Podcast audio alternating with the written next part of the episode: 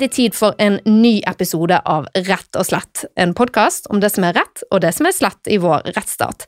Jeg heter Katrine Holter, og jeg er strafferettsforsker på Politihøgskolen, og denne podkasten er sponset av Karnov juridisk forlag. Den som vet hvordan lover og pølser blir laget, får aldri mer en rolig natts søvn.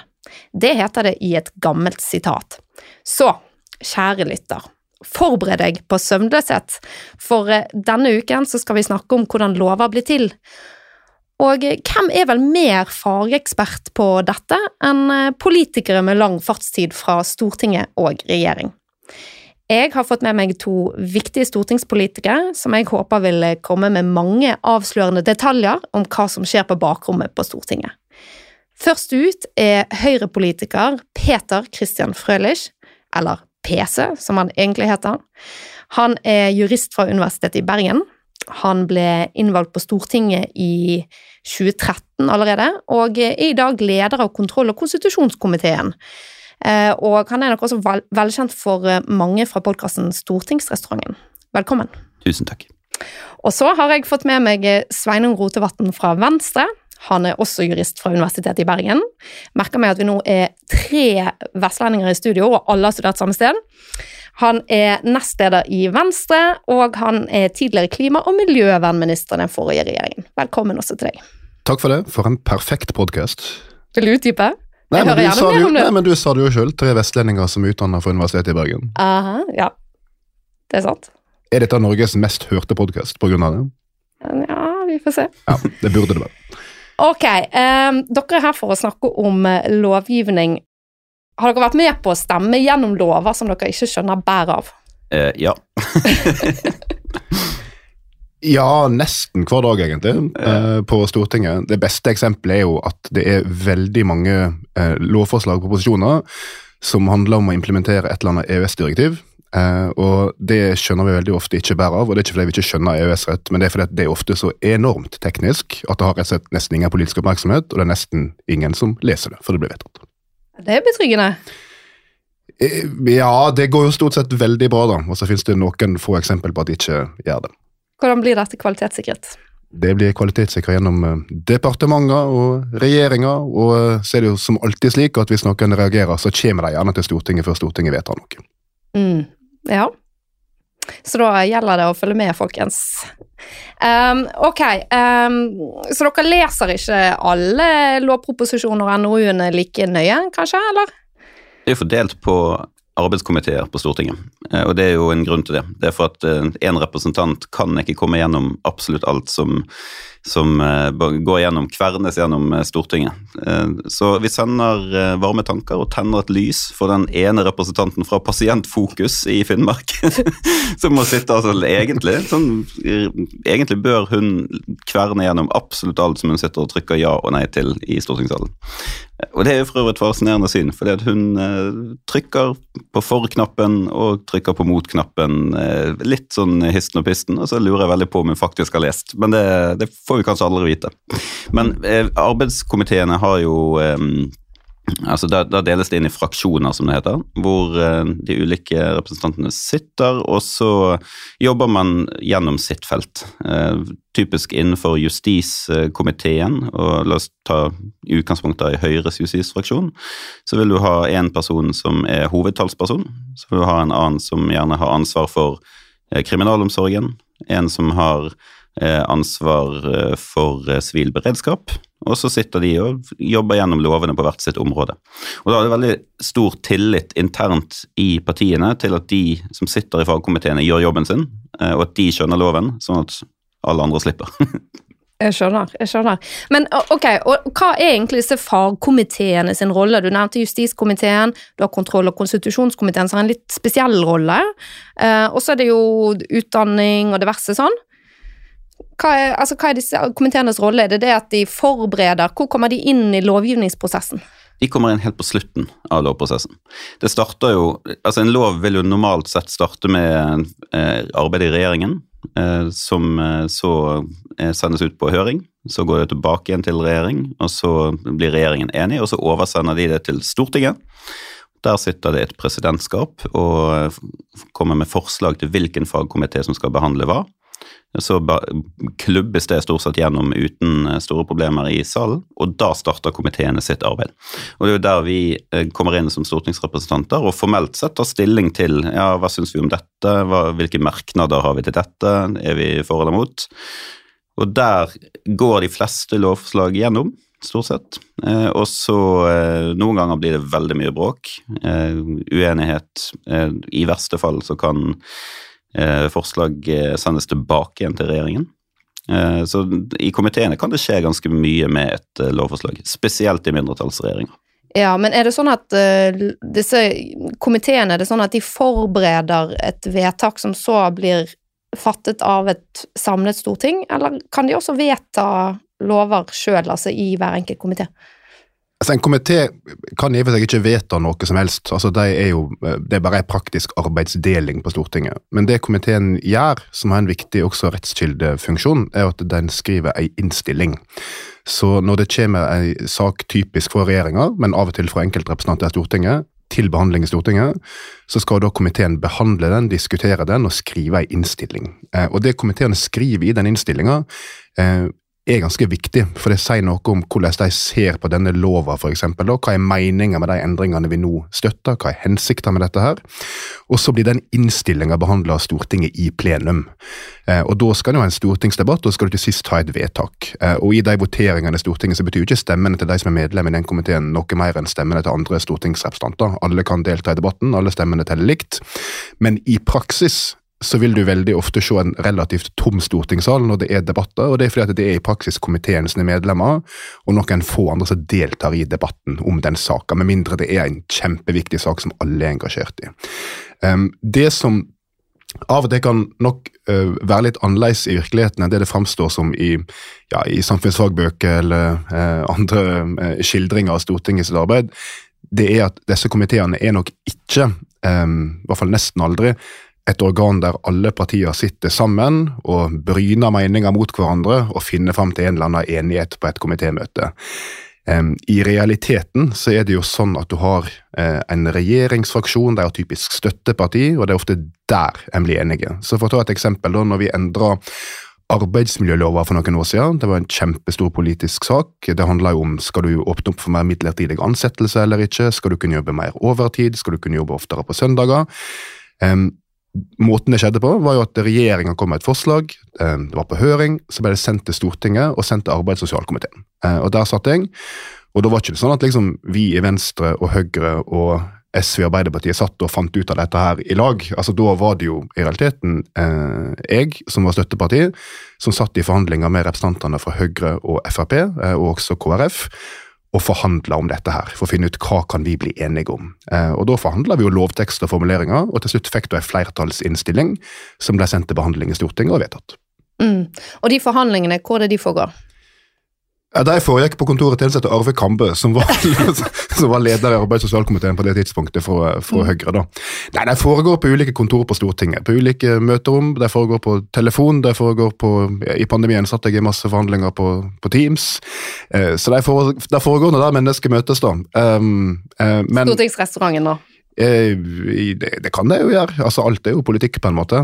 Men i alle fall så er det sånn at de er ferdige eh, nesten alltid idet du kommer inn i stortingssalen. Så når, du, når, debatten skjer i stortingssalen, da vet alle hva som skal skje, alle vet hvor flertallet ligger, og det er i stor grad en formalitet. Det finnes noen få unntak for det. Av og til er det reell spenning rundt hva et parti skal stemme, f.eks., men det er veldig sjelden. Men Må alle stortingsrepresentantene møte for å avgi sin stemme, eller er det sånn at noen kan stemme for liksom sine representanter? Det er et veldig godt spørsmål, um, og svaret er at um, det er nok at 50 av stortingsrepresentantene er til stede for at det skal være et grunnlovsmessig riktig vedtak. Eh, og Det velger partier å benytte seg av. for å si det sånn. Eh, du har en ordning på Stortinget som heter utbyttingsordninga. Og Det er en sånn gentleman's agreement mellom alle partier, der partiene ikke møter fullt, men møter med vel ikke to tredjedeler, eh, litt mindre, av sine representanter. Men i balanse, slik at det blir riktige vedtak ut ifra Stortinget sin sammensetning. Og så kan jeg spørre, ja, Hvorfor har det noe å si? Det er rett og slett for at stortingsrepresentantene skal ha fleksibilitet til også gjøre andre ting enn å være i Stortinget. For eksempel eh, denne veka vi tar opp denne podkasten. På mandag så var det jo stortingsmøte. eh, ekstraordinært sådan om strømkrisa. Eh, da var ikke jeg der, eh, fordi jeg var på Svalbard eh, på tur for å møte bedrifter der eh, på en lenge avtalt reise. Og da er det noen andre fra Venstre som møter og stemmer. Har det her gått galt noen gang? Det har gått galt. Eh, fordi at eh, vi har eh, såkalte innpiskere som står med, med sånn gammeldags blokk og notere ned alle som kommer inn, og så skal det være riktig balanse. Det skal være så og så mange fra Høyre, og så og så mange fra Arbeiderpartiet, og så og så mange fra, fra Venstre og KrF og Arbeiderpartiet og de andre. Um, og plutselig så kan det skje en tellefeil, og da kan jo plutselig flertallet forandre seg. Det har skjedd. Mm. Eh, var det en gang vi vedtok å heve ubåten ved Feie? jeg tror det. Plutselig så, så, skjedde et eller annet. Opposisjonen fremmet forslag om å heve ubåten ved Feie. Uten noe finansiering, uten noen plan, men den ble vedtatt hevet. Det var stor jubel og flagget til topps i to timer så lenge det vedtaket sto. ja, for da stemte en på ny, jo skjønner sant? Jo, jeg tror, jeg tror det ble stemt dagen etter. Ja, sånn. ja, så det skjer tellefeil. Men dette er jo, altså utbyttingsordningen er jo en fantastisk uh, ordning. Egentlig et veldig fint bilde bilde på det norske demokratiet. Utbytningsordning, det er det du kaller det? Det er det vi kaller det. Utbyttingsordning, ja. Altså, mm. Har Høyre en vekke, så tar Arbeiderpartiet en ut. Sant? Og så har man en gentleman's agreement på det. Eh, det er en, Jeg tror det er en ganske særnorsk ordning. De har sikkert noe lignende i andre, noen andre land, men, men den, den, den sier noe om tilliten mellom politikere i Norge. Italienerne, når vi forteller dem om dette, her, de skjønner, skjønner, ingenting. But how can you trust? De, de, de, altså, de, skjønner ikke hvordan vi kan stole på våre politiske motstandere. De, det første de tenkte, var jo bare hvordan kan du lure de andre partiene. Uh, har det skjedd at noen eh, noensinne har prøvd å lure? Nei, det men, kan Nei, men det som skjer av og til, uh, det er at uh, partier kan jo møte med alle hvis de vil. altså Ingen kan nekte deg det. Så det som skjer av og til, er at parti møter med fullt mannskap, da varsler de det på forhånd, for å markere et poeng. ikke sant? Det er typisk Eh, tvinge alle til å ta stilling, hvis det f.eks. er en uenighet i et annet parti som de vil røyke ut. Um, sist gang jeg husker det skjedde, det var vel når um, KrF tror jeg det var, stilte med fullt mannskap i forrige periode. Jens, det må jo handle om noe bioteknologi. Var eggdonasjonssakene, kanskje? Eller, ja. ja. Um, I alle fall. Uh, og da må alle møte med fullt mannskap, ikke sant? Uh, hvis ett parti stiller med fullt mannskap. Og da blir jo alle andre partier typisk veldig forbanna. For ja, for de ødelegger balansen, da. Ja, du ødelegger den balansen, så da må alle andre stille fullt. Ja. Og, da, og, da, gjør du jo det. ikke sant? Da stiller jo alle partier fullt. Og Det betyr jo at da må 50 stortingsrepresentanter avbryte reiseplaner og møter og sånn, og sånn men, men, da gjør du det. Så, så, det skjer en sjelden gang. Det skjedde også faktisk i vår, når vi skulle gjenopprette fylker. Da tror jeg faktisk at uh, Arbeiderpartiet, Senterpartiet ja, og, uh, sang gjennom at alle 169 måtte møte i salen. Sant Jeg lurer på om noen kledde i seg bunad også, bare for å gni det inn. Og så uh, laget de et ordentlig show av det. Og så skulle hver enkelt så skulle man ha votering om hver enkelt hvert enkelt fylke, hver eneste kommunegrense nærmest, og votere over den. Og så skulle være, de skulle tvinge de andre eh, representantene til å vise sitt sanne ansikt. Her stemte de mot den kommunen, eller her stemte de mot det fylket. Ja, ja. Altså, ja det, var, det, var, det, var, det var noe sånn. Jeg husker det. Det var Senterpartiet stort sett som møtte i bunad. Eh, ja, ja, ja, ja. Jeg husker jeg sa til deg fra talerstolen i Stortinget at du, vet du hva, hvis dere har lyst til å lage et kommunekart i Norge ut fra bunadsgrensene, så det er helt greit for meg. Det hadde blitt et ganske rasjonelt kommunekart, faktisk. Da hadde du fått uh, Nordfjord kommune, du hadde fått Sunnfjord kommune, du hadde fått Sunnmøre. Men jeg syns ikke det var så veldig morsomt. Ok, Men disse fagkomiteene sant? Altså, de har jo uh, møter som er hemmelige. Hva er det som skjer inni disse møtene? Er det noe spennende her? Veldig lite spennende. Uh, for det at komitémøtene er egentlig bare altså, Kaller vi det, kaller vi det um, altså det, Jeg husker ikke akkurat hva vi kaller det formelt sett, men det er, det er mer eller mindre bare det er, bare, det er bare ren rutine.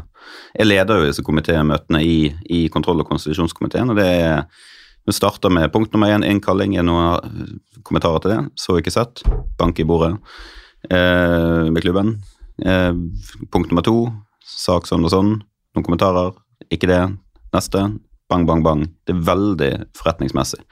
Eh, de, store politiske, de store politiske diskusjonene skjer stort sett ikke i fagkomiteene. Nå er jo faktisk kontroll- og konstitusjonskomiteen et lite unntak. Det er vi som har de lengste møtene og flest politiske diskusjoner eh, i, i, i, kontrollkomiteen. Men i, i, de andre komiteene på Stortinget så er det stort sett bare å smekke gjennom. Og så skjer arbeidet mellom møtene.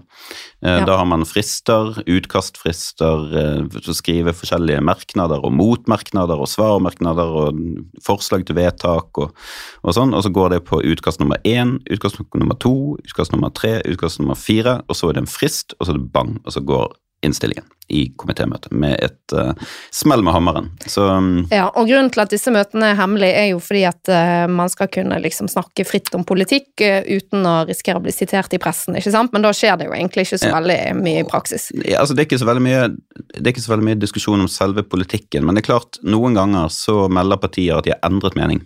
Ja.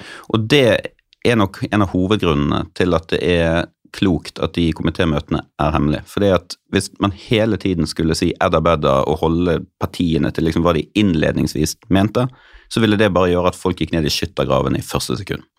I komiteene så har du faktisk en mulighet å justere meningen din, endre meningen din, uten å bli hengt ut. Eh, og liksom at det blir et politisk spill ut av det. Så jeg har vært med på eh, behandlinger av store saker i komité hvor partier har justert kursen, endret meninger underveis, og det har man ikke lov å bruke mot dem. For det har altså skjedd i, eh, bak lukkede dører i komitémøtene, og det er faktisk en fin ting. Det gjør demokratiet vårt bedre, det gjør at partiene er, er mer åpne for innspill underveis i, i lovbehandlingene. Men også disse komiteene de skriver jo da en innstilling, ikke sant? Og den innstillingen det er jo et viktig dokument i jussen. For det er jo en viktig del av forarbeidene. Eh, hvordan skal vi forstå dette dokumentet? Altså, hva sier det om lovgiverviljen? Det, det som du sier, det er veldig viktig um, hva som står i innstilling. Um, og Og jeg kan bare ta et eksempel. Sant? Altså, vi hadde jo i rusreformen nå Nå har vi altså en høyesterett som eh, har blitt anklaget av enkelte i kommentariatet for å opptre politisk fordi at man nå har fjernet straffereaksjonen for tunge rusavhengige. Men det har jo de da gjort med henvisning til nettopp en sånn innstilling fra helse- og omsorgskomiteen.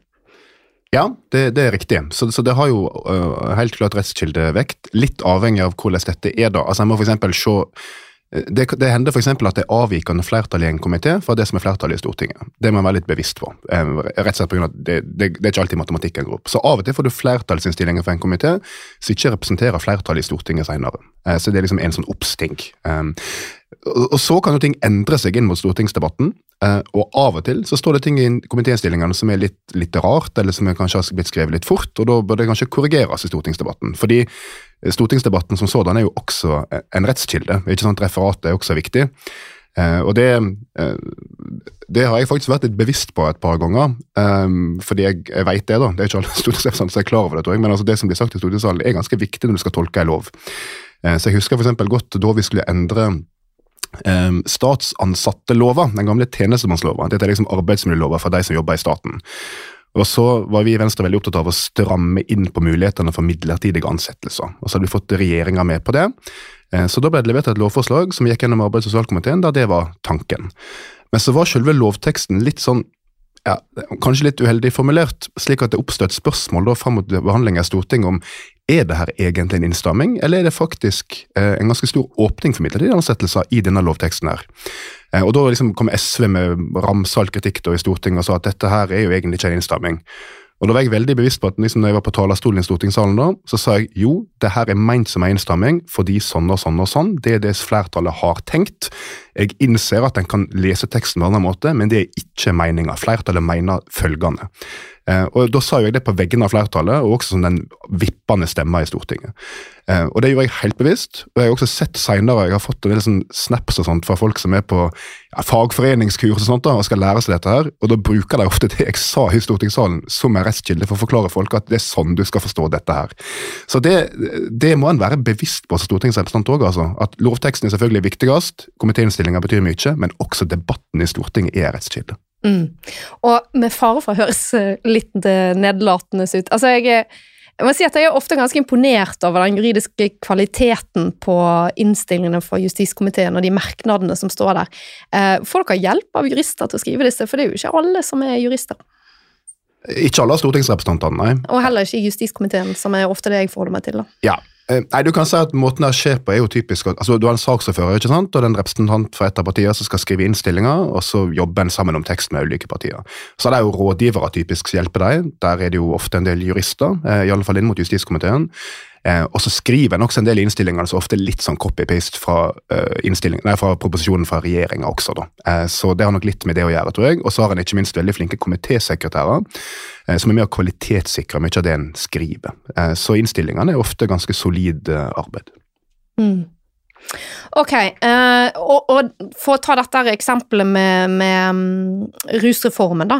hva tenker dere, har vi en politisk høyesterett, eller har de Nei, overhodet ikke. Altså, jeg synes Kritikken mot Høyesterett er noe av det rareste jeg har sett i hele rusreformdiskusjonen. Det må jeg bare si. Det, jeg husker ikke, det er han ordføreren nede på Robin Koss. Robin Koss som ute og sa at eh, nei, her hadde Stortinget avvist rusreformen. Så kommer en eller annen embetsmann ja, En tilfeldig En tilfeldig embetsmann og innfører den likevel. Sånn. Jeg tror det var Riksadvokaten han siktet til da. Var det da? Ok, jeg tror det var Høyesterett. Ja, uansett. Kanskje begge deler. Ja, jeg fikk det ikke helt med meg. Uansett. Det, det der er fy-fy. Stryk. Eh, her, her, fungerer ting som det skal. Eh, Stortinget har helt klart og tydelig gitt uttrykk for en endret rettsoppfatning på dette området. Eh, og rettsapparatet prøver å tilpasse seg de nye signalene fra Stortinget. Så det, Jeg kan ikke fatte og begripe at, at det skal være noe verken politisk eller noe, noe uhørt ved det. Vi står fortsatt i en spagat når det gjelder ruspolitikken, eh, som jeg tror er uheldig. Men det blir jo mer sånn Vi skal ikke gjøre dette til en politisk debatt, men det er fortsatt noe liksom uheldig med den rettstilstanden vi har nå. Men den er iallfall skjøvet i riktig retning av stortingsflertallet, og det må selvfølgelig eh, rettsapparatet og andre aktører tilpasse seg. Eh, vi skal ta litt mer om lovgivningsprosess. Altså fordi, Hvordan man går frem da for å lage ny lov, og bare ta det litt mer overordnet. For det er jo sånn da at det typisk starter med at regjeringen vil gjennomføre politikk eh, og har en idé til en lovendring. Og da starter de med å finne et utvalg, nedsette et offentlig utvalg som typisk består av fageksperter og ulike representanter for ulike interesseorganisasjoner den slags. Og så skriver de en, en ut, utarbeider de da altså en rapport, ikke sant, som blir trykket som en NOU. Eh, og denne NOU-en, hva skjer med den videre? Den blir typisk um, Den blir ofte sendt på høring, uh, så folk kan mene noe om den. Um, og den blir iallfall lest godt i departementer.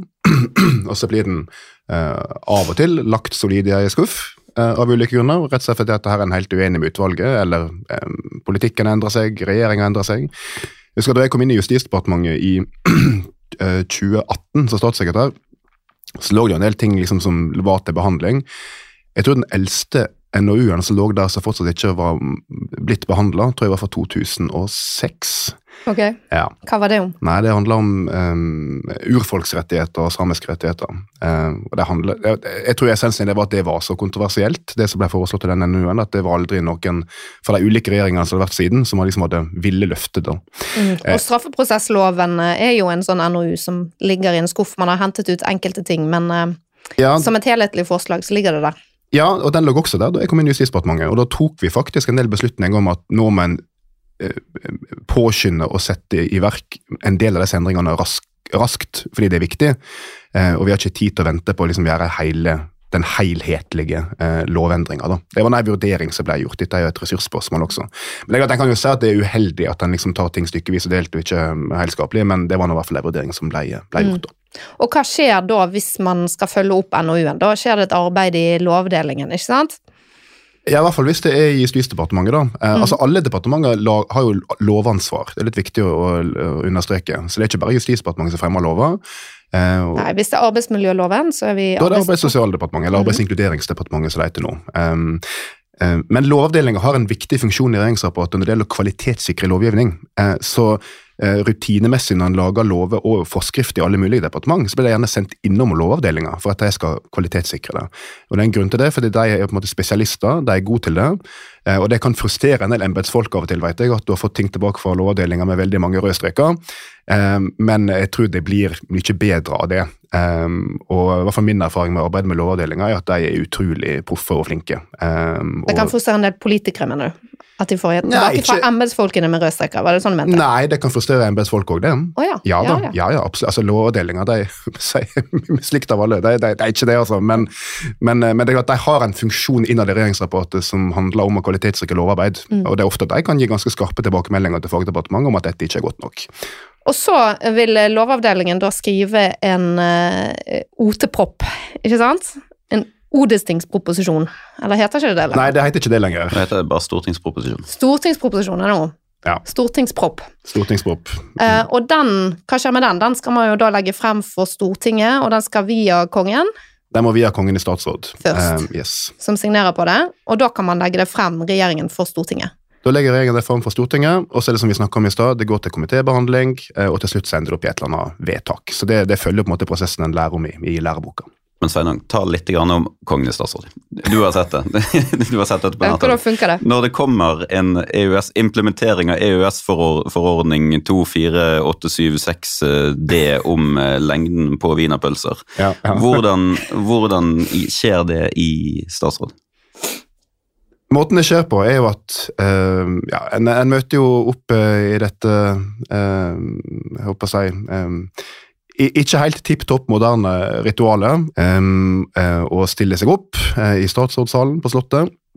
Presis, så kommer Hans Majestet, kongen, inn, eh, som regel sammen med kronprinsen, i gallauniform, altså militær gallauniform med sabel. Så går kongen rundt og hilser på alle sammen, og så setter han seg ned. Eh, og så begynner han på toppen av lista med departementer og går nedover. Og Da kommer han typisk etter hvert til Klima- og miljødepartementet, og da var det meg når jeg var klima- og miljøminister. og da, eh, Hvis jeg har en sak, så reiser jeg meg opp, går opp til kongen, gir han det fysiske dokumentet med f.eks. klimalov, eh, ny stortingsproposisjon om det. Setter meg ned, og så, um, idet jeg setter meg, og det er viktig at det skjer idet du setter deg, så du må begynne å snakke før du setter deg ned, så sier jeg da eh, Herre konge, på vegne av Klima- og miljødepartementet har jeg glede av å legge fram eh, stortingsproposisjon nummer 14, eh, klimaloven. Må du si det akkurat sånn, med de ordene? Ja. Har du sagt feil? Eh, nei, det har jeg ikke. Eh, nei, Så du sier det, eh, og da vil kongen i 99 av tilfellene si ja vel, og da er det det.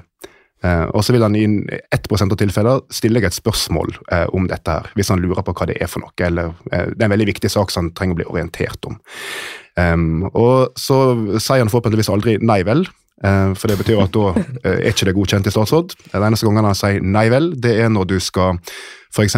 avslå eh, en klage på, eh, på utlevering. Det er jo noen enkeltvedtak som fortsatt går i statsråd, de fleste gjør ikke det, men noen får gjøre det. Typisk folk som klager på å bli eh, utlevert til, eh, til Polen, som, eh, ja, som sikta i en straffesak, f.eks. Mm. Ok, eh, og disse statsråd, eh, statsrådsmøtene de er helt formelle, altså det skjer aldri noe Skjer det noe her som er verdt å Av og til. Ja, fortell. Men det er ikke lov å fortelle. Nei, det, det, det kan jeg nok ikke gjøre. Eh, men det er stort sett veldig formelt, veldig symbolsk og et, et ritual. Men, men, men det skal sies at av og til når en eksempel skal lese opp en veldig lang tittel på en ny EØS-rettsakt som av og til dekker hele forsida på denne proposisjonen, og du må lese alt, så er det litt fnising rundt bordet. Ok, og så har dette vært godkjent av kongen, og da kommer det på, sant? Da kommer det til Stortinget, fagkomiteene behandler det, de skriver sin innstilling, det blir eh, lagt frem til avstemning i Stortinget, så det er to runder med avstemning, ikke? Jo, det er det. Eh, hvis Hva er det grunnen til lover.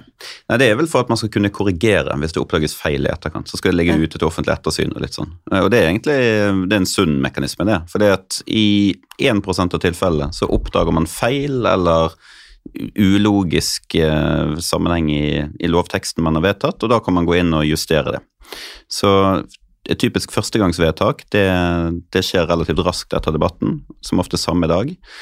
Eh, og så skal det ligge ute. Det, er en uke, er det ikke det? Og så har man Åh, det husker jeg ikke. Ja, jeg husker ikke. Ja. Og så kommer det, og så er det andregangsbehandling. La oss si en uke etterpå, da. Og det bankes eh, gjennom i de aller fleste tilfeller. Men hvis det er noen kommentarer, så går det an å ta det opp til, eh, til ny votering eller justere. Og det, Eh, og, og, det, og det skjer typisk i saker der um, det har gått veldig tett på frister. ikke sant? Altså Jeg sitter i finanskomiteen på Stortinget. Det er nok den komiteen som bryter mest behandlingsfrister på Stortinget. Fordi du sitter i veldig tøffe budsjettforhandlinger typisk seint på høsten. Og da er det sånn, En har sittet og forhandla forhandla, forhandla, og så liksom midnatt eh, to dager før stortingsmøtet så vi er enige. Og så må liksom komiteen avgi en innstilling i rekordfart, og det må behandles i rekordfart.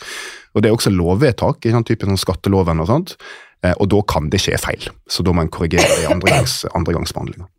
Men eh, høsten 2020 så skjedde det jo en sånn voteringsblemme som eh, du måtte ut og svare for, Peter. Eller PC.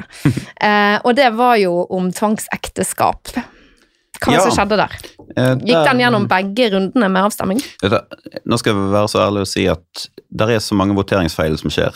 Eh, mye mer enn folk tror. Eh, så det går litt surr. Så du må rett og slett forklare lytterne hva som, hva som gikk galt, for jeg husker det faktisk ikke selv. Ok, ja, nei, altså her var det jo har lest. Alle ler. Uh, ok, eh, her var det jo en uh, Jeg husker ikke detaljene heller, uh, men det var at man klarte å vedta feil lovbestemmelse eller noe sånt. Det var noe med opptellingen. Ja. Eh, høres ut som en sånn klassisk eh, arbeidsuhell. Eh, og så var det et veldig klokt hode, eh, en forsker. Jeg husker ikke Morten Håndbo, min Yes. eh, kollega. skulle jeg si at det var, eh, det var mest sannsynlig på Politihøgskolen. Jeg mener å huske at det var det, ja. Han oppdaget at her var det jo ulogisk sammenheng i lovteksten. Det var jo helt riktig, så vi måtte gjøre et nytt arbeid. Da fremmet, da fremmet jeg lov. Og det går jo an, det må vi snakke om. Ja. At det er ikke bare regjeringen i dette landet som fremmer lover, det kan stortingsrepresentanter også gjøre. Den, det beryktede Dokument 8, som jo er blitt mer og mer og mer og mer eh, på, på moten, må vi kunne si. Den nye, den nye Altså det, det fremmes mer og mer lovforslag fra stortingsrepresentanter. Er det det man kaller stortingsregjereri? Stortingsregjereri, ja. Ja. Da fremmet jeg et Dokument 8-forslag på vegne av hele faunaen og floraen av eh, politiske partier, som eh, inneholdt to setninger som bare gikk på at eh, Stortinget vedtar følgende endring i lov, sånn og sånn, og så justerte vi feilen som vi hadde gjort. Så, sånn Men hvordan funker den prosessen da, i litt sånn i korte trekk, hvis du vil ta oss gjennom det? En Dokument 8-prosess eller en sånn justering. Når det starter fra en stortingsrepresentant. Ja, Ta også med det liksom uformelle som skjer før. ja. Altså, Dokument 8 er jo egentlig relativt et, et relativt nytt fenomen. Dokument 8 som nå Vi skal vel egentlig kalle det representantforslag, skal vi ikke det? Ja, Jo, jo. ja. Det formelle tittel før i alle fall var at det var Dokument 8-forslag. Men det er representantforslag. Lovforslag fra eh, representantene selv. Og jeg lurer på, nå må dere korrigere meg, men var det Carl Ivar Hagen som en gang, way back in the days, slo et slag for økt bruk av Dokument 8? Jeg, jeg har i hvert fall, det, mulig, det går mange myter om den mannen, men, men jeg lurer på om han var en av de som, som var pådriver for at Stortinget måtte bli mer aktive i, i, eh, i eh, også som, som si, hjemmeproduserende lovgivere. Så når man skal lage et Dokument 8-forslag Dette vet du mer om, Sveinung, for du plaget jo livet av vår eh, Høyre-Frp-regjeringen med diverse Dokument 8-forslag i, i din uh, første periode på Å, jeg har signert mange av dem, du. Ja, det var det. Og det er ofte sånn Du lager jo tittel selv, ikke sant? Det kan ofte være sånn eh, eh, Dokument 8-forslag om en mer verdig behandling av landets eldre, f.eks. som liksom, Det er et lovforslag som er fylt med Det er utrolig ladet. Du, du impliserer jo at det er uverdig, det som pågår nå. sant? Men er dette noe som man gjør politisk bare for å liksom vise handlekraft, eller lage et politisk poeng, eller er det sånn at man da faktisk eh, jobber for å få Altså gjør man det bare hvis man har faktisk utsikt til å få det gjennom? Det er, to, det er to kategorier her. Eh, Det ene er de Dokument 8-forslagene som du faktisk rent teknisk ønsker å justere rettstilstanden med, og, og det utsiktet, gjennomslag og sånn. Og så har du de Dokument 8-forslagene som du vet ikke har en snøballsjanse i et visst sted, um, men som du fremmer likevel for å markere hvilket syn partiet ditt har. Vi skal snakke masse om Dokument 8-forslag, for dette er noe jusstudenter også bare må De må bare lære seg etter først som sist, at Dokument 8-forslag er rett og slett blitt mer og mer og mer vanlig måte å styre Norge på.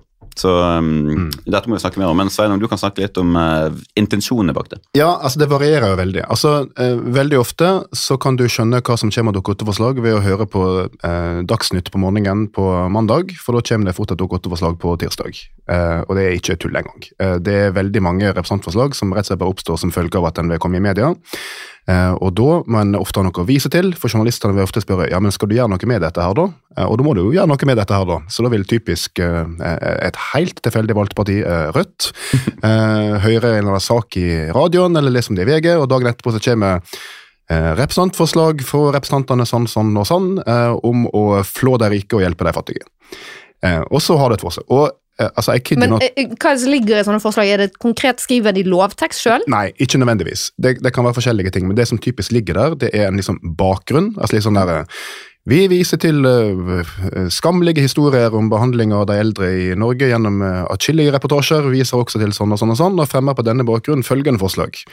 Og da er det typisk forslag som er det en kaller uh, eh, oppmodingsvedtak. ikke sant? Altså det, det, og det er typisk formulert som at Stortinget ber regjeringen om følgende. Så det er typisk sånn, Stortinget ber regjeringen om å legge fram en ny arvelov. Eller Stortinget ber regjeringen om å kraftig øke finansieringen til eldreomsorgen, eh, osv. Så, videre, og så, videre. så det er det typiske. Men Eh. å kraftig øke finansieringen, er det et, har det noe med lov å gjøre? Nei, eh, det er ikke det. Og dette er veldig viktig å understreke. dette, Hvis Stortinget fatter et sånt vedtak, da, og det skjer også oftere og oftere, oftere faktisk, det har virkelig eksplodert de siste 20 åra. Særlig under mindretallsregjeringer, men også av og til under Og her er det nok med eh, simpelt flertall. Simpelt flertall. Eh, Da, eh, det har jo vært en diskusjon da, Hvis Stortinget gjør et sånt vedtak, er det konstitusjonelt bindende for regjeringa å følge det opp?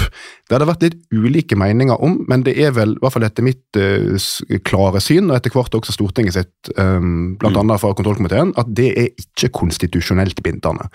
Det det betyr, er at det er ikke ulovlig for en statsråd å ikke følge det opp. Du kan ikke bli stilt for riksrett for ikke å følge det opp, f.eks. Men det vil jo typisk ha en politisk konsekvens for deg om du ikke gjør det. Altså Stortinget vil fort miste tilliten til deg, men det er jo opp til Stortinget sjøl, da. Så sånne vedtak blir ofte gjort hundrevis av i året. Så det Stortinget kan gjøre, et sånt Dokument 8-forslag, det er jo enten da det, de kan vedta noe sånt, eller de kan fremme en lovtekst, det går an, som PC viste til i stad. Du kan altså endre loven gjennom et sånt forslag. Og da skriver de det sjøl. Da skriver du det sjøl, og det Er er ikke da en fordel å være jurist hvis du skal skrive lovtekst? alltid en fordel å være jurist.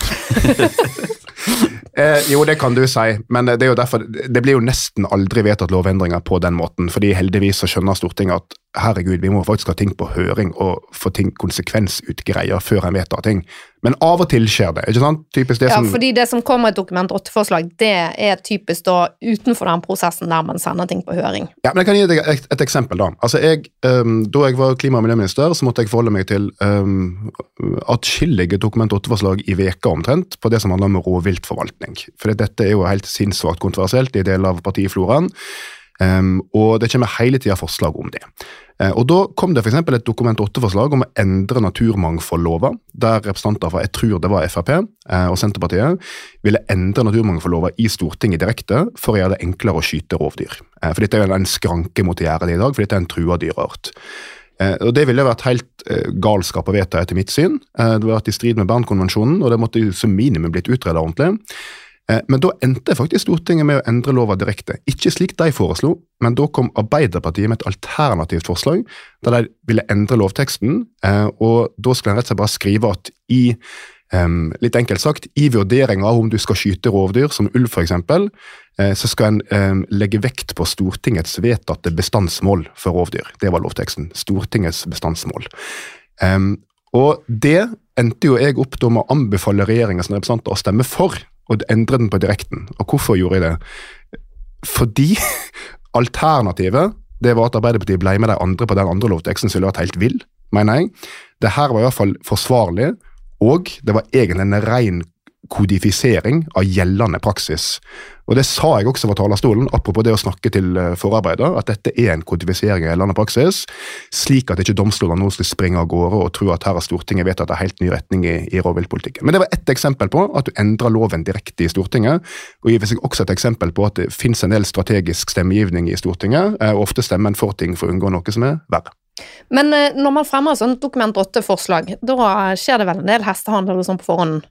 Eller hvordan vil en god politiker gå frem for å få gjennom viljen sin på denne måten? Jeg tror ikke det er så veldig mye hestehandel før, fordi partiene er opptatt først og fremst av å markere standpunktet sitt. Eh, Men så, eh, det jo, så begynner jo forhandlingene. Eh, Og ofte er det jo kanskje flere partier som går sammen om at en liksom, nå skal vi forsøke å, å få flertall. Så det kan, ja, det kan sikkert være litt Det kommer litt an på. Jeg tror det er stort sett dette er opposisjonens verktøy. Så det, det er opposisjonspartiene som i så fall finner sammen og forsøker å fremme Dokument 8-forslag. Sånn som vi gjorde nå med rusreform. Der gikk jo Høyre og Venstre og et par andre partier sammen om å fremme rusreformen på nytt gjennom et Dokument 8-forslag. Da fremmet vi vel faktisk også lovteksten bare helt på nytt, gjorde vi ikke det? Jo, det Ja, gjorde en, ja. og det var et eksempel på at det var for si, veldig forsvarlig. Eh, Ikke fordi vi var de som gjorde det, men fordi at du hadde hatt en, du hadde hatt en svær NOU, høring, stortingsproposisjon, alt var klart. Så det var egentlig bare å fremme et lovforslag på nytt i representantforslagsform. Men vi må snakke litt om dette med eh, liksom, alt som skjer mellom, alt som skjer bak kulissene. For det at eh, kontakten mellom altså de, Veldig mange tror, og det tenkte jeg selv også på jusstudiet, tror jeg, at regjeringen var liksom det var ett land. Der satt man og jobbet med sine ting. Og så sendte de det over til et annet land som het Storting, og der jobbet de med sine ting. Det er jo helt feil. Altså, Der er en veldig veldig tett kontakt mellom regjeringsapparatet på den ene siden, stortingsrepresentantene på den andre siden, og så har man uformelle samtaler i forkant av eh, innstillingen fra regjeringen, eller proposisjonen fra regjeringen. Og det betyr at lovgiverne kan i mange tilfeller være involvert i utformingen mye, mye tidligere enn folk tror. Jeg har sittet med statsråder, la oss si det var justisministre, for det har vært så mange av de at de er godt kamuflert. Her snakker vi anonymisering. Ja. La oss si at et, et tenkt eksempel at man satt og tegnet opp en ny domstolsreform. Og Da er du tett inne i Ja, la oss si det. Og så, da er man tett inne i å utforme eh, ganske ned på detaljnivå i, i fellesskap. Til og med oppe med, med en laptop ved siden av med gule sider og kart, kartsøk avstander mellom det ene rettsstedet til det andre. Pølser og politikk, folkens. Men dette er, dette er en scene fra utforming av en domstols, utkast til domstolsreform som skjer i tett samarbeid mellom eh, regjeringssiden og Stortinget. Uh, og så er det selvfølgelig eh, konstitusjonelt 100 opp til regjeringen hva de velger å fremme til Stortinget, men da har de iallfall ikke famlet i blinde. De har sett seg for, de har hatt følere ute til stortingssiden, de vet hva de kan få gjennomslag for, de vet hva de ikke kan få gjennomslag for. Um, så fikk vi jo en litt uheldig opplevelse med Venstre akkurat i den saken her, men jeg skal ikke begynne å oute noen. Men det ble nye forhandlinger eh, på nytt i tolvte time på Stortinget, hvor man ønsket å gå inn med rødpennen og justere enda mer. Det er fint, det er demokrati, eh, no hard feelings, men det, det viser bare at det er en humpete vei fra eh, reform til vedtak i Stortinget. Vil du svare på disse anklagene? Eh, nei, altså jeg eh, vil nok påberope meg sjølinkrimineringsvern i, i, så, i så måte, så det, det vil jeg ikke kommentere. Eh, men, det, men det jeg vil si, eh, det er at eh, sant, Hvorfor skjer det her? Hvorfor, for, for PC har helt rett i det at det er ofte betydelig kontakt mellom eh, selvsagt regjeringa og regjeringspartier i Stortinget før noe kommer, men også mellom regjeringa og av og til opposisjonsparti eller støtteparti før noe kommer til Stortinget. Og hvorfor er det det? Det er rett og slett fordi regjeringa vil unngå nederlag. De vil ikke bruke tid på å fremme ting som uansett blir nedstemt. Og de vil også på, forsøke å binde opp parti på forhånd. Eh, og, og det kan jeg jo si, da. Jeg har jo både vært i, fra regjeringssida, men jeg har også vært støtteparti i Stortinget til en annen regjering. Um, og vi var ofte litt restriktive eh, med å forplikte oss på forhånd når regjeringa kom. Altså Regjeringa ville jo hele tida komme til oss og si du, vi planlegger å fremme endring sånn og sånn, hva syns dere om det? Og det var vi litt tilbakeholdne med. Eh, av og til gjorde vi det, men det handler rett og slett om at vi har ikke lyst til å la oss binde opp eh, på forhånd. Regjeringa ønsker jo det. Regjeringa ønsker å forplikte Stortinget så masse som mulig før noe kommer. Men vår interesse var som regel at ok, dere får nå vurdere det sjøl og fremme det, så vil vi vurdere den saka når vi ser dokumentet, når vi ser lovteksten, og når vi ser de offentlige reaksjonene på den, og høre hva andre sier. Så um, det der er et litt sånn spel som foregår, eh, må en vel kunne si, da. Eh, men, men, men det er helt rett, det her det er betydelig uformell kontakt mellom regjering og storting. Skjer det noen ganger at eh, representanter fra regjeringspartiene på Stortinget bruker disse Dokument 8-forslagene til å ja, hva skal vi si, overstyre egen regjering? Det kan skje, og jeg vil si at det har skjedd. Eh, hvis vi går tilbake igjen eh, til var det rundt 2015, så var det jo en stor diskusjon i Norge om eh, avskaffelse av juryordningen. Det var jo en eh, Som i dag borte. Ja. Det var pga.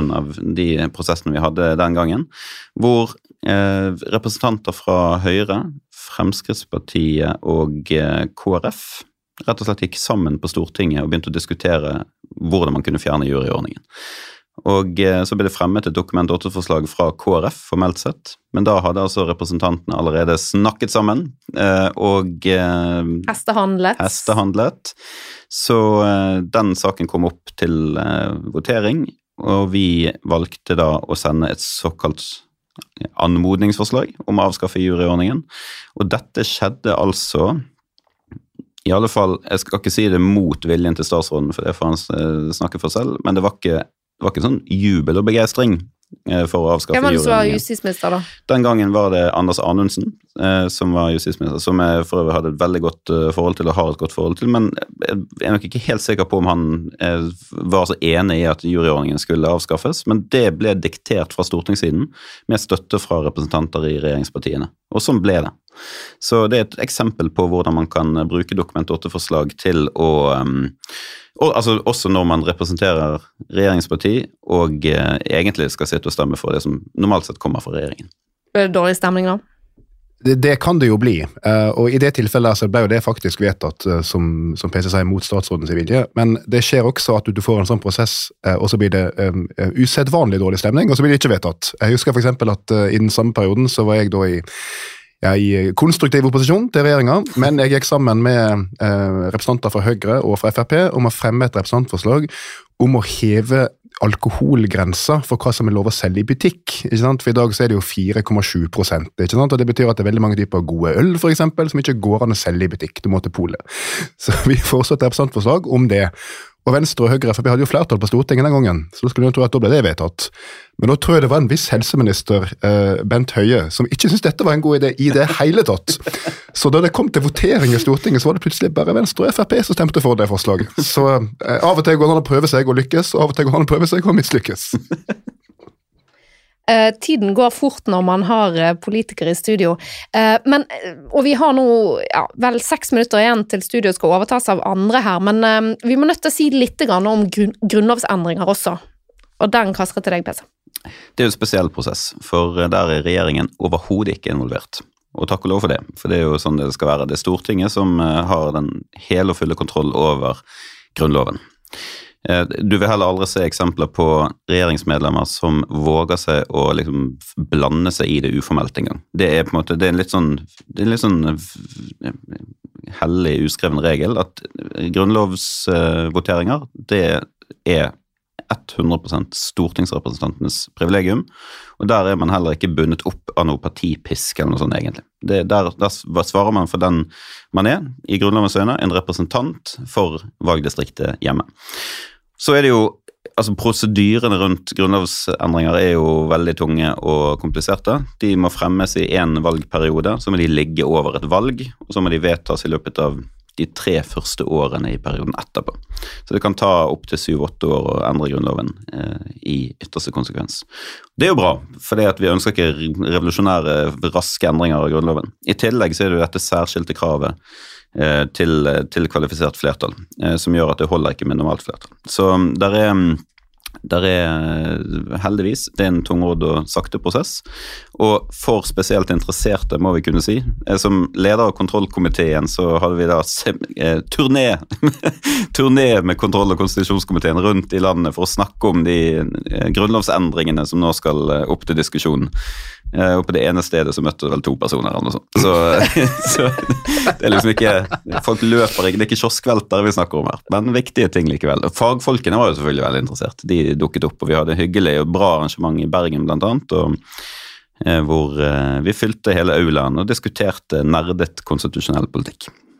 Men eh, i forbindelse med grunnlovsjubileet i 2014 så var det jo også en del som skjedde i kulissene med hestehandel og den slags. Det er blant annet omtalt i boken til Hege Ulstein om eh, Martin Kolberg. Vil du si noe om det? Du var jo på Stortinget da. Jeg var på Stortinget, men jeg var ikke veldig involvert i grunnlovsprosessene da, det må jeg bare innrømme. Det var, veldig, den var nok veldig styrt i kontroll- og konstitusjonskomiteen, som jeg da ikke satt i. Det jeg derimot gjorde, var at jeg satt på eh, Jensens Bøffhus eh, og spiste lunsj da det var, da det var grunnlovsvotering, og plutselig ringte telefonen, og de spurte hvor i, hvor i hell er du? Og jeg stormet et løp, jeg løp antakelig for regningen òg, I, vill panikk. Opp Løvebakken, inn i salen. Nødrett, vil jeg si. Ja, det var helt sant. Og da var jo allerede voteringen begynt å gå på rundgang. Og ved grunnlovsvotering så er det jo høytidelig. Man sier jo ja eller nei. Man liksom roper ut ja eller nei når man stemmer. Det er ikke sånn digital eh, trykking. Det er alle 169 representanter, og så sier man høyt og tydelig ja eller nei. Man leses opp i navn. Ja.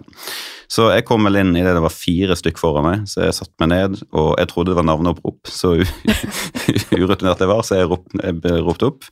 Peter Frølich, ja, sa jeg. Og stemte for da en radikal versjon av Grunnloven på nynorsk. Så så gale kan det gå. Det er min eh, hittil største parlamentariske tabbe. Fantastisk. Ok, vi er, kommer, har kommet til den avsluttende spalten, og eh, for å si sånn, hvis ikke dette har vært reklame for eh, jusutdanningen i Bergen, så skjønner jeg lite. Men eh, før vi avslutter, så skal dere få fremheve noe som dere synes er rett eller slett i vår rettsstat. Sveinung. Ja, uh, Og vi har tre minutter, så vi Ja. må være litt kjappe. da skal jeg være kjapp uh, og ikke snakke om alt som er bra i vår rettsstat, for det er kjempemye. Så jeg velger heller å si noe som er slett. Uh, og det ble jeg minnet om her en dagen når jeg las en omfattende sak på TV 2 om hva han ene fra denne Baneheia-saken som nå ruller av gårde igjen, hadde sagt i avhør. Og det jeg vil si er slett med vår rettsstat, er annet at det er så mange sånne saker. At det er omfattende lekkasjer fra etterforskninger til media kontinuerlig. Eh, Og Det kan sikkert komme fra ulike sider, det kan sikkert av og til komme fra forsvarere, men jeg tror ofte også det kommer fra politiet. Og Det må jeg si er uverdig. um, og Styrte lekkasjer. Nei, Det vet jeg ingenting om, men det jeg vet, eh, som jeg kjenner fra en journalist, er at det har blitt tatt opp i redaksjoner av og til. Bør vi virkelig ha så mye lekkasjer fra politiet i vår mediedekning? Og Da var liksom stemningen i redaksjonen at ja, selvsagt skal vi det, og vi skal ikke kritisere det, for dette er kjempegodt stoff. Så eh, det syns jeg er en uting. Eh, Det at vi kan lese for kontinuerlige oppdateringer på nett om hva som skjer i denne Lørenskog-saken, drapet der, eh, hvis det er drap, da. Det, syns jeg ikke er bra. Og det der er en ukultur, både i media og i politiet, og muligens også hos forsvarerne, og sånn bør det ikke være. Så det syns jeg en bør skjerpe seg med. Det er ikke rettsstaten verdig. Nå er jeg helt sjokket, fordi du tok opp akkurat det samme jeg hadde tenkt å gjøre. Så Nei. det er ganske Er det heftig. Du skulle nesten tro du var en hvit mann eh, jusutdannet fra Vestlandet med borgerlig innstilling. Men vi har, eh, vi har rett og slett akkurat det samme greien. Jeg tok dette opp med eh, Riksadvokaten da jeg satt i justiskomiteen og nærmest smalt i bordet. Ikke det at vi har noen instruksjonsrett overfor Riksadvokaten, men vi har dialogmøter, som det heter. De må få en slutt på dette, altså. Det holder ikke. Hva er det, Det er- du syns er mest problematisk med det? Det er jo en, det er direkte angrep på rettssikkerheten til de som det lekkes mot. Man er helt forsvarsløs. Og redak redaksjonene har helt andre hensyn å ta. De kan ikke, de kan ikke eh, liksom begynne å si nei til informasjon og sannheter som de plutselig har på, på bordet sitt, så de må sikkert trykke, trykke det de får. Men det er en vanvittig, et vanvittig overgrep mot den som rammes, og det må det bli en slutt på. Enkelt og greit. Da ble det siste ord for i dag. Tusen takk til dere som har vært med her i studio, og takk til dere som har lyttet til oss. Eh, vi er tilbake igjen antagelig om en eller to uker, litt usikker foreløpig, eh, med en ny episode om noe som er rett eller slett i vår rettsstat. På gjenhør.